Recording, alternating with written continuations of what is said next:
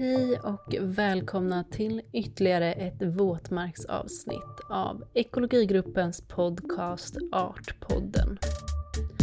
Jag som pratar nu heter Emma Holmberg.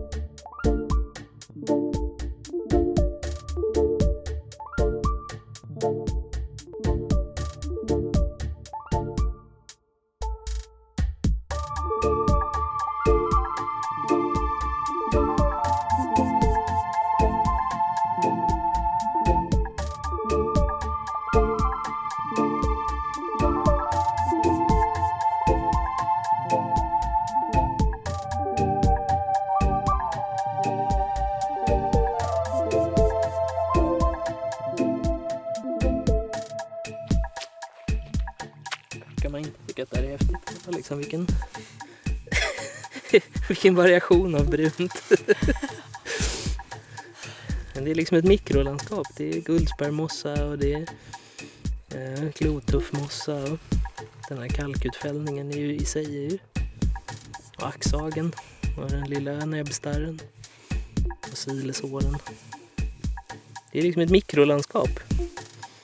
Tio nyanser brunt. Exakt. Hashtag rikkärr. Idag spelar jag in från norra Gotland där jag mötte upp min kollega Rickard Anderberg. Han som tycker att mikrolandskapen av kalkinsprängda blöta brunmossor är det vackraste som finns. Vi sågs ute på en fuktig, svårbevandrad mark som alltså går under beteckningen rikkärr. Jag bad Rickard förklara vad det innebär. Ehm, det, det som är, är väl rikt är att det är mycket, det är väldigt artrika miljöer. Ehm, men det som definierar rikkärren då är att de är, är mineralrika. Så att det är väldigt mycket antingen kalcium eller magnesium eller något annat sånt, tvåvärda kationer. ehm, som gör att floran blir väldigt speciell.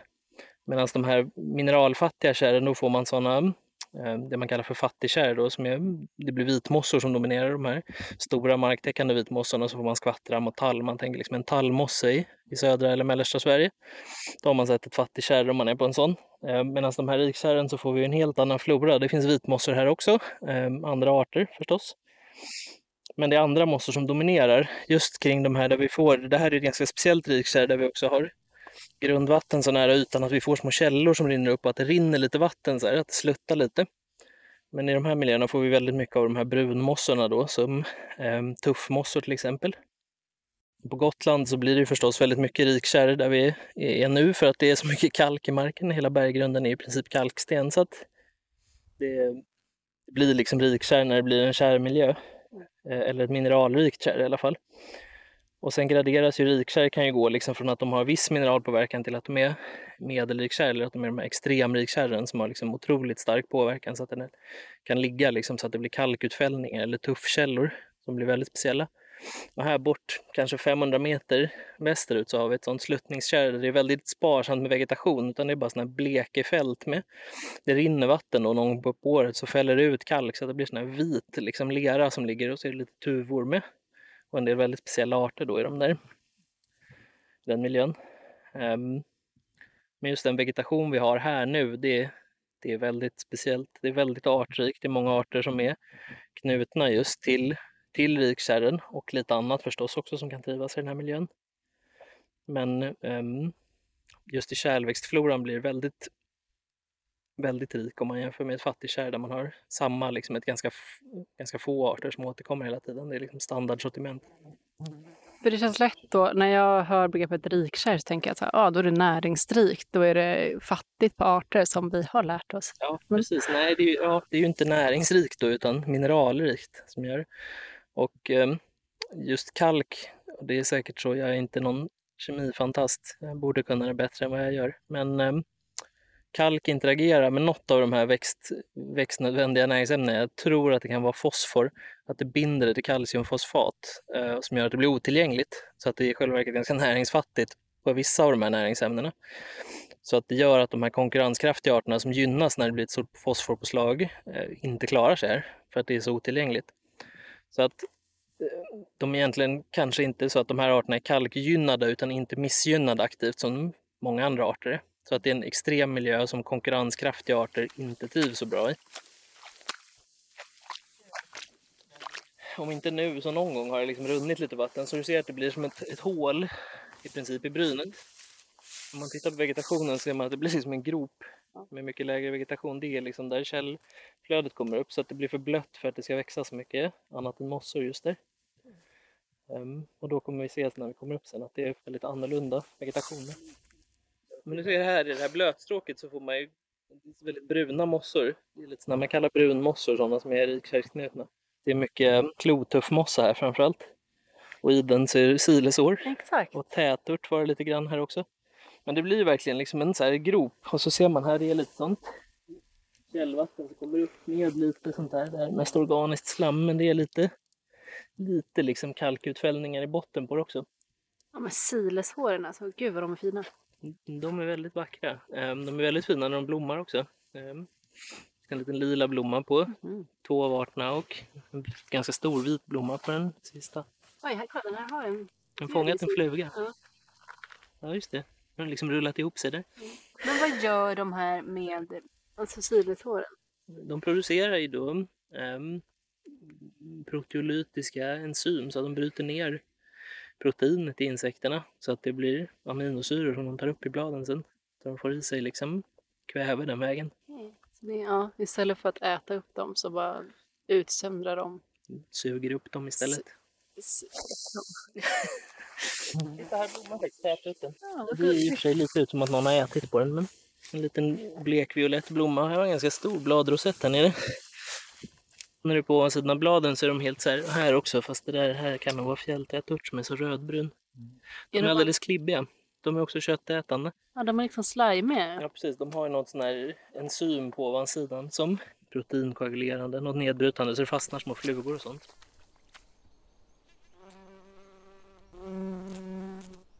Precis som Rickard säger så utgör rikkärr mineralrika myrmarker med höga halter av baskatjoner, främst av kalcium som här på det kalkrika Gotland, men ibland även järn och magnesium. Termen rikkärr har alltså ingenting att göra med näringsrikedom, utan dessa näringsfattiga kärr är istället rika på mineraler och på biologisk mångfald, vilket var den ursprungliga orsaken till namnet. Till naturtypen rikkärr finns minst 160 rödlistade arter knutna bara i Sverige, varav 74 stycken bedöms som hotade och hälften har rikkärren som sin viktigaste biotop. Det handlar om allt från kärlväxter, mossor, snäckor och svampar till skalbaggar och fjärilar. I Sverige finns ungefär 150 000 hektar rikkärr utspritt över landet, vilket är de överlägset största arealerna inom EU. Varför vi har ett särskilt ansvar för de här biotoperna och de arter som lever där. Här har vi också um, Lepidocarpa, uh, näbbstar. En sån här rikkärrsart. Som ser ut som såna krigs... Vad heter de? Det här Som två små gulgröna spiklubbor med en cigarr i toppen. Här är ju överblommad eh, majviva. Ja det är det. Och här är de här klotuffmossorna. Vad är det för djur som rör sig där? Trollsländelarv. Att gå igenom rikkärr innebär att konstant stöta på nya arter. Här finns massvis med olika snäckor, småfjärilar, skalbaggar och spindlar. Bottenskiktet utgörs av brunmossor, särskilt från familjerna skorpionmossor, spärrmossor, skedmossor och tuffmossor. I fältskiktet finns förutom de köttätande växterna sileshår och tätört olika kalkgynnade kärlväxter såsom kärrlilja, majviva, svarthö, brunögontröst och halvgräs som gräsull och axag. Men framförallt finns här massvis med olika orkidéer. Vi hittade ganska snabbt en av de mest mytomspunna. En upp till tre decimeter hög orkidé med vitaktiga blommor som doftar som starkast på natten då det lockar till sig svärmare som pollinerar dem. Nattviolen, som den så vackert heter, trots att det då inte är en viol utan en orkidé, kallades under 1600-talet för mansstyrka, ståndört och ålderdomens sängetröst. Då man trodde att dess rötter var potenshöjande. Kanske på grund av rotknölarnas punglika form, vilket är anledningen till att Linné döpte dem till orchids, vilket betyder testikel, eller just på grund av doften den sprider när mörkret har lagt sig. Blomman har en lite intressant textur, den är lite så glasig nästan. Ehm, och så har den här jättelånga sporren som verkligen är liksom, den fortsätter förbi blomman på andra sidan nästan. Så de är nattfjärilspollinerade så att nattfjärilar med sin långa snabel kommer åt den där lilla, lilla nektardroppen som sitter här inne precis i. Den är nästan 2-3 centimeter lång. Ja. Själva blomman är väl liksom en centimeter i. Rakt över. Eh, och- nattfjärilarna då så fastnar de här på linjerna på, på ögonen på dem. Eh, och Får med dem till nästa, nästa planta och kan klibba av dem igen. Ja, men vi är på Gotland nu och det har jag förstått är det svenska landskap som har flest orkidéer. Hur kommer det sig? Ja, det var en bra fråga. Den har säkert inte något enkelt svar, men alltså en stor och betydande del i det är ju förstås de geologiska förutsättningarna. Eh, dels Gotlands historia efter istiden, men också att det är kalk i hela berggrunden. Ehm, och sen är ju Öland mindre till ytan, som har ganska liknande förutsättningar. Ehm, så att det är nog, spelar en stor roll. Sen är det många orkidéer som gillar fuktiga miljöer och många miljöer på Öland kanske är kända för att vara torrare snarare än skogsbeklädda. Medan Gotland har väldigt mycket kärr. Ehm, det har förstås Öland också. Jag kommer få någon arg ölänning som ringer och klagar. Men jag skulle gissa att kalk, kalken i berggrunden är nog en av de viktigaste faktorerna. Ehm, och det sätt man har brukat landskapet och att det är väldigt lång liksom, kontinuitet av de här traditionellt hävdade markerna på Gotland också. Är det så att vissa orkidéer bara finns här på Gotland och inte på fastlandet? Så är det. Ehm, det är inte jättemånga eh, och det är några som finns på Öland och Gotland och inte på fastlandet. Ehm, men även sådana arter då, som jag nämnde tidigare med luktsporre, att den är betydligt vanligare på Gotland än vad den är på fastlandet. Det finns några lokaler i Östergötland och förmodligen någon i Västergötland också där kalkstenen kommer. Ehm, men här så finns den i, jag ska inte säga var och vartannat rikkärr, men nästan vart och vartannat rikkärr. Ja, vad är det som gör att orkidéer trivs så himla bra i rikkärr då? Jag kommer tillbaks till kalken igen. Eh, nej men det är, en, det är en väldigt speciell miljö, det är lite fuktigt och orkidéer har en ganska speciell em, livshistoria. De är är väldigt, väldigt små frön, det man kallar för dammfrön, så att de har liksom ingen näring i sig utan deras strategi är att producera miljontals små frön istället som kan spridas med vinden så att de kan ta sig jättelånga sträckor. Men för att fröet ska kunna gro så måste de träffa en plats där rätt svamp, det kan vara en grupp av svampar eller någon enskild svamp säkert i vissa fall också, där den sen är beroende av svampen för sin näring i början. Och sen när den kommer upp och bildar blad, då kan den ju förstås bidra mer till den där symbiosen, men att den är lite liksom helt beroende av svampen i de tidiga stadierna av plantans utveckling. Okej, så för att orkidéer ska gro så krävs det en mykorrhiza med en svamp? Ja, precis. Så att de är, och då är ju frågan liksom att det kanske är något som spelar in i varför vissa orkidéer är så ovanliga, att de ska ha ett visst svampsamhälle eller en viss svamp under en viss tid på året eller en viss en svamp som bara växer i fuktiga kalkrika miljöer eller en svamp som växer i fuktiga sura miljöer. Så att det, just det förhållandet gör ju att det blir, kan ju vara en del, förklara varför så många trivs i rikkärren eller att utöver kalken då att det kanske är gynnsamt för det de är beroende av i början av sin livscykel. Så för att orkidéer ska kunna gro måste alltså svampar som bildar orkidea mykorrhiza finnas på plats redan från start. Detta för att orkidéfröer saknar den energireserv som krävs för att bilda fotosyntes. Och det är här det blir lite speciellt. Istället för en vanlig mykorrhiza-relation där en svamp får näring av en växt, som i sin tur får mineraler från svampen, så är det här en relation där orkidén, som saknar näring i sina pyttesmå frön, får näring från svampen. Kolhydrater som svampen i sin tur har fått genom att leva som parasiter på andra växter, eller själva genererat genom så kallad saprofytisk aktivitet.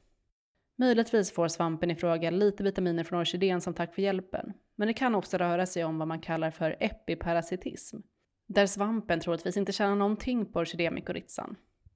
Det är alltså orkidén som är den stora vinnaren i relationen, eftersom att inga orkidéfrön skulle kunna gro i naturen utan att koloniseras av svamphyfer. Men det låter ju då som att det är ganska svårt för en orkidé att etablera sig med de här små, små, små frösäckarna. och Så måste de hitta rätt art och så ska det finnas kalk så att de inte utkonkurreras av stor, större växande och näringsgynnade arter. Men ändå har jag förstått det som att orkidéer är den mest artrika kärlväxtgruppen i världen. Hur går det ihop? Ja, alltså det är, det är ju två saker som kanske inte nödvändigtvis hänger ihop med varandra. Det kan vara en del och förklara varandra istället. Att den här beroenden av mykorrhiza och det samarbetet kan ju vara något som driver utveckling också, att vissa arter plötsligt träffar och liksom bildar ett samband med en annan sorts mykorrhiza på grund av någon mutation eller någon förändring som gör att då kanske den liksom klarar sig i helt andra miljöer. Och i och med att de kan ta sig så långa avstånd så kanske den blir geografiskt åtskild och så kan utvecklas de här populationerna liksom isär um, och bilda nya arter. Um, sen orkidéer förekommer i väldigt många olika sorts miljöer också när man tittar globalt. Ehm, de har ofta väldigt komplicerad pollinationsbiologi i många arter som vi pratade om då med, med nattviolen och grönvit nattviol, att de pollineras av nattfjärilar på olika sätt så att de här pollinier, pollinierna fastnar på olika ställen och inte korsbefruktar som är väldigt lika varandra men befruktar liksom inte varandra i alla fall. Andra arter som guckusko och guckusko-liknande orkidéer har väldigt speciell, liksom att det ska komma in något bi och krypa in och några arter kan krypa ut genom någon annan liten gång liksom, medan den här pollinien har fastnat i nacken och skrapar av på en liten så här märkesdisk på vägen ut ur den där, eller på vägen in och så tar de med sig pollinien på väg ut och det är asknasigt så att de inte ska korsbefrukta sig själva, eller självbefrukta sig rättare sagt. Ehm, så pollinationsbiologin är en annan väldigt viktig. Ehm, det finns ett annat berömt exempel som Eh, en orkidé som har ett namn som rullar av tungan, Angräcum sesquipedale. Som eh, jag för mig finns i norra Sydamerika, som har en sporre som är bisarr, som är liksom flera decimeter lång, två decimeter. En stor liksom, en jättesporre. Och då tittade man på den där, liksom, ja, då finns det ju en nattfjäril som har precis lika lång snabel som pollinerar den där. Och så dröjde det några år så hittar man den där fjärilen liksom, med så här, jättesnabeln som då fick namnet Xantopan morgani predicta, alltså av Morgan förutspådd, som är ganska rolig. Ehm, så eh, det finns, man kan, om man liksom googlar på bilder på orkidéer så kan man få fram det mest knasiga som, som finns. Liksom. Vissa arter som ser ut liksom som vi har ju flugblomstret som också finns här på Gotland. Tyvärr kan du inte se någon nu, men där blomman ser ut som en liten brun, jag vet inte vad, fluga som producerar ett stekelferomon eller ett feromon som är otroligt likt honsteklar. Så den drar till sig hansteklar som då sätter sig på den i tron att det är en hona och får med sig pollen till nästa. Och det finns andra där det finns liksom en liten mekanisk grej i blomman så att när det landar en fluga så börjar den liksom dunka flugan på linjerna. så att den liksom sitter och hamrar den. Det är väldigt märkligt. Så att konstiga saker i växtriket så har orkidéerna många bidrag. Precis som Rickard berättar finns det flera exempel på underliga sätt som orkidéer lyckas fortleva på. Inte nog med det märkliga mykorrhizaförhållandet med epiparasitism på svampar. Flera orkidéer lurar också till sig insekter till att pollinera dem. Flugblomster som Rickard tar upp är ett riktigt snyggt exempel. En orkidé vars blomma inte bara ser ut som en sorts grävstekel utan även luktar som en stekelhona. Och genom att göra det lurar flugblomsten helt enkelt dit grävstekelhanar, som på flera mils håll känner doften och flyger dit i hopp om att få para sig. Men istället får flyga missnöjda därifrån med pollen lurade igen till nästa flugblomster som då pollineras. Ett annat lite äckligare exempel där orkidéer med lukt lurar till sig pollinerare är hos arten Satyrium pumilum. Denna orkidé använder en mekanism som kallas för äggläggningsbedrägeri vilket går ut på att lura insekter som letar efter attraktiva äggläggningsplatser. I det här fallet lurar orkidén till sig köttflugor genom att lukta som kadaver, eftersom honköttflugor letar efter just kadaver som deras larver kan leva på. Ett annat exempel på luriga orkidéer är hos arten med det lite märkliga namnet Adam och Eva, där det är lite oklart vilken av blommorna som förekommer i en gräddvit och en lila version som är Adam och vilken som är Eva. Hur som helst, Adam och Eva blommar i alla fall tidigt på våren, då de första humlorna är väldigt hungriga och på jakt efter nektar. Humlorna som lockas till de färgglada blommorna dyker då girigt ner i både Adam och Eva, men upptäcker snart, efter att besökt flera stycken och på så sätt pollinerat växterna, att de helt saknar nektar. Det här lurendrejeriet kallas för generellt födobedrägeri och är den vanligaste formen av bedrägeri hos orkidéer. Guckuskon som Rickard också nämner är en ovanligt stor och vacker bedragare som till och med går så långt att den ibland tar död på de insekter som pollinerar den. Dessa insekter lockas till guckuskon, vars namn kommer från den toffellika formen på de stora blommornas uppsvunna läppar, på grund av deras oemotståndliga doft som ger hopp om en nektar som inte finns. När bin och andra pollinerare dyker ner i den stora blomman passerar det orkidéns stora märke som då blir pollinerat om insekten fört med sig pollen utifrån. Väl nere i blomman finner pollineraren små korta saftfyllda hår, men på grund av blomläppens form och dess hala innerväggar kan den sedan endast ta sig ut genom en trång öppning bakom ståndarna i läppens bakre del. Passagen är precis lagom stor för att ett bi eller en blomfluga ska kunna pressa sig igenom. Och på vägen ut passerar guckoskons små behållare med pollen. Då insekten trycker sig ut kan den inte låta bli att samtidigt bli helt täckt med pollen, som den sen tar med sig till nästa växt. Men det händer också att större insekter inte kommer ut bakvägen utan får lov att avsluta sitt liv inuti den vackra toffen.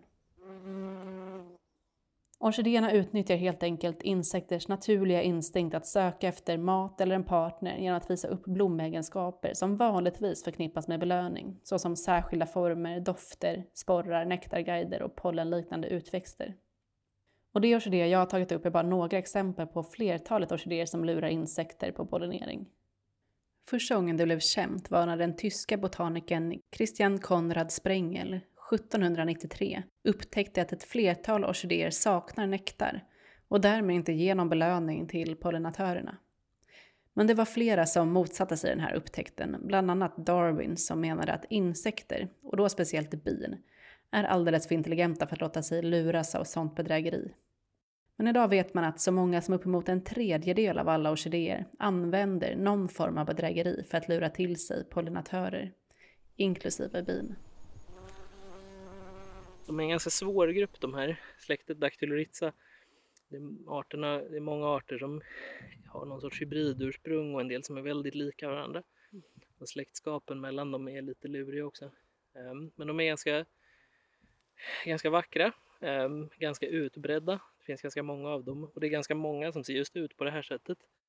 Och blomman är rätt annorlunda om man tänker från nattviolen som vi just tittade på. Sporren här är ganska lång förvisso men inte i närheten mer som en trubbig liksom hacka typ. Mm. Och så har de ofta två sådana här öron i överkanten. Och, och någon sorts liksom mm. lila vit tredelad underläpp på blomman. Um, lite kluriga att bestämma. Um, men både ängsnycklar och sumpnycklar som det då skulle kunna vara är, är ganska bra indikatorer på sådana här lite finare fuktängar och rikkärr.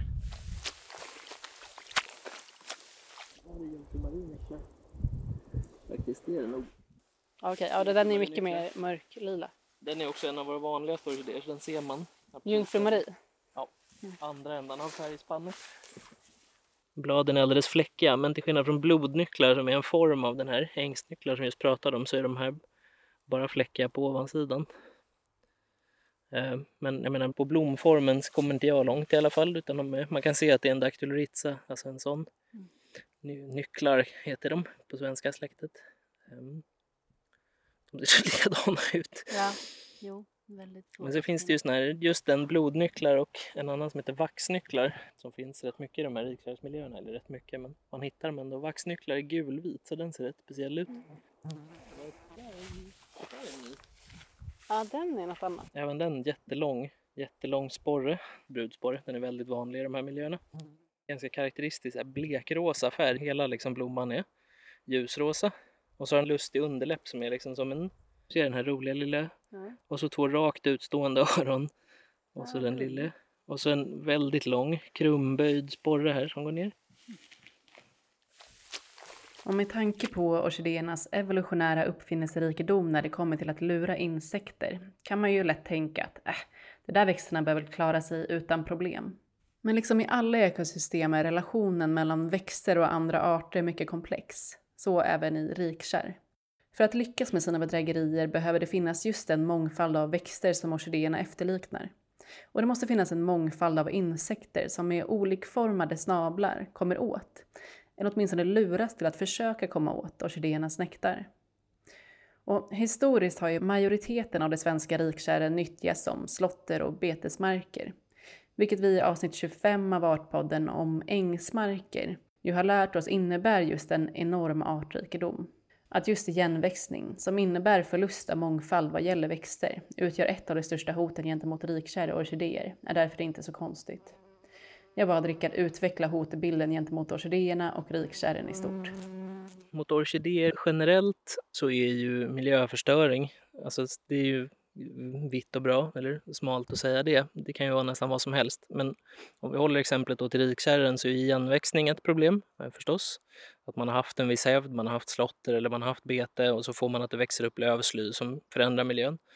Det kan också vara att hydrologin förändras av Gotland har ju en ganska komplex geologi så att det kan ju hända något där med berggrunden som gör att det dränerar eller man kan ha dragit en väg som passerar som gör att vatten inte rinner som det gjorde förut, som gör att det blir lite torrare som de missgynnar en massa arter.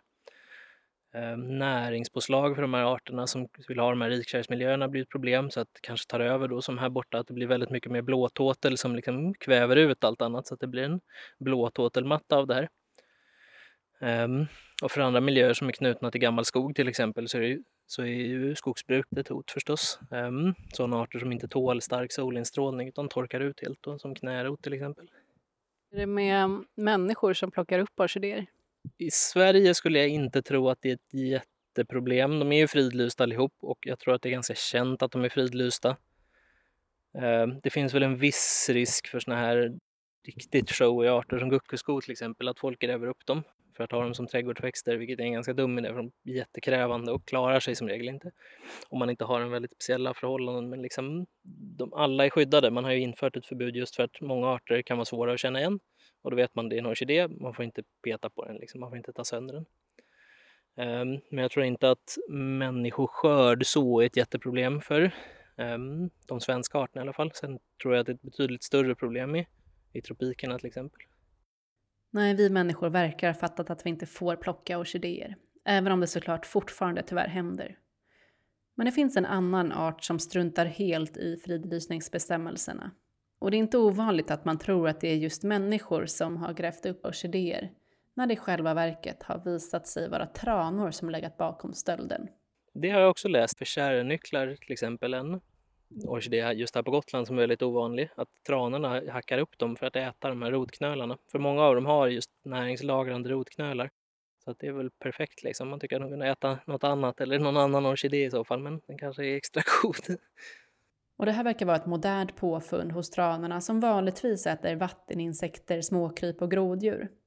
Men kanske i takt med att djuren i dessa artgrupper har minskat så har dessa smarta dinosauriefåglar hittat en ny resurs. Jag avslutade vårt samtal ute på Rikkärret med att fråga Rickard vilken orkidé som är hans egna favorit. Guckusko är ju väldigt häftig för att den är så exotisk. Den känns verkligen inte som, som en, en svensk växt om man ska vara lite stereotyp. Den ser väldigt så här, det ser ut som någonting som ska stå i ett tropikhus någonstans. Eh, men jag tycker också att röd skogslilja är en liten sån doldis. Den finns ju också här på Gotland och växer så annorlunda. Den är ofta inne i skog och så kommer det upp någonting som ser ut som att det ska stå på en blomstermarknad i Sydostasien med stora liksom röd, violetta, väldigt showy blommor. Um, finns på några platser um, i Stockholmstrakten också. Den är liksom utspridd men väldigt lokal och väldigt ovanlig överallt. Men jag kommer ihåg första gången jag såg den så var det just inne i en ganska sluten mörk barrskog och så hade vildsvinen bökat så plötsligt så bara står det såna här stora rödblommiga orkidéer. Liksom. Fantastisk grej, liksom känns helt, helt märkligt att den ska stå där inne. Ehm, så den har jag, eh, den är lite av en favorit faktiskt. Och sen är det alltid kul att se flugblomster också.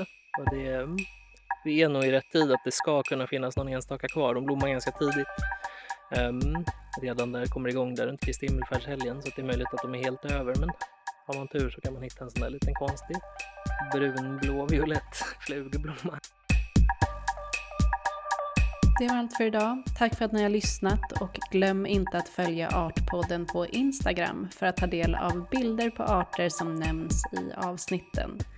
Till exempel just flugblomstern. Ha nu en fin sommar. Hejdå! då!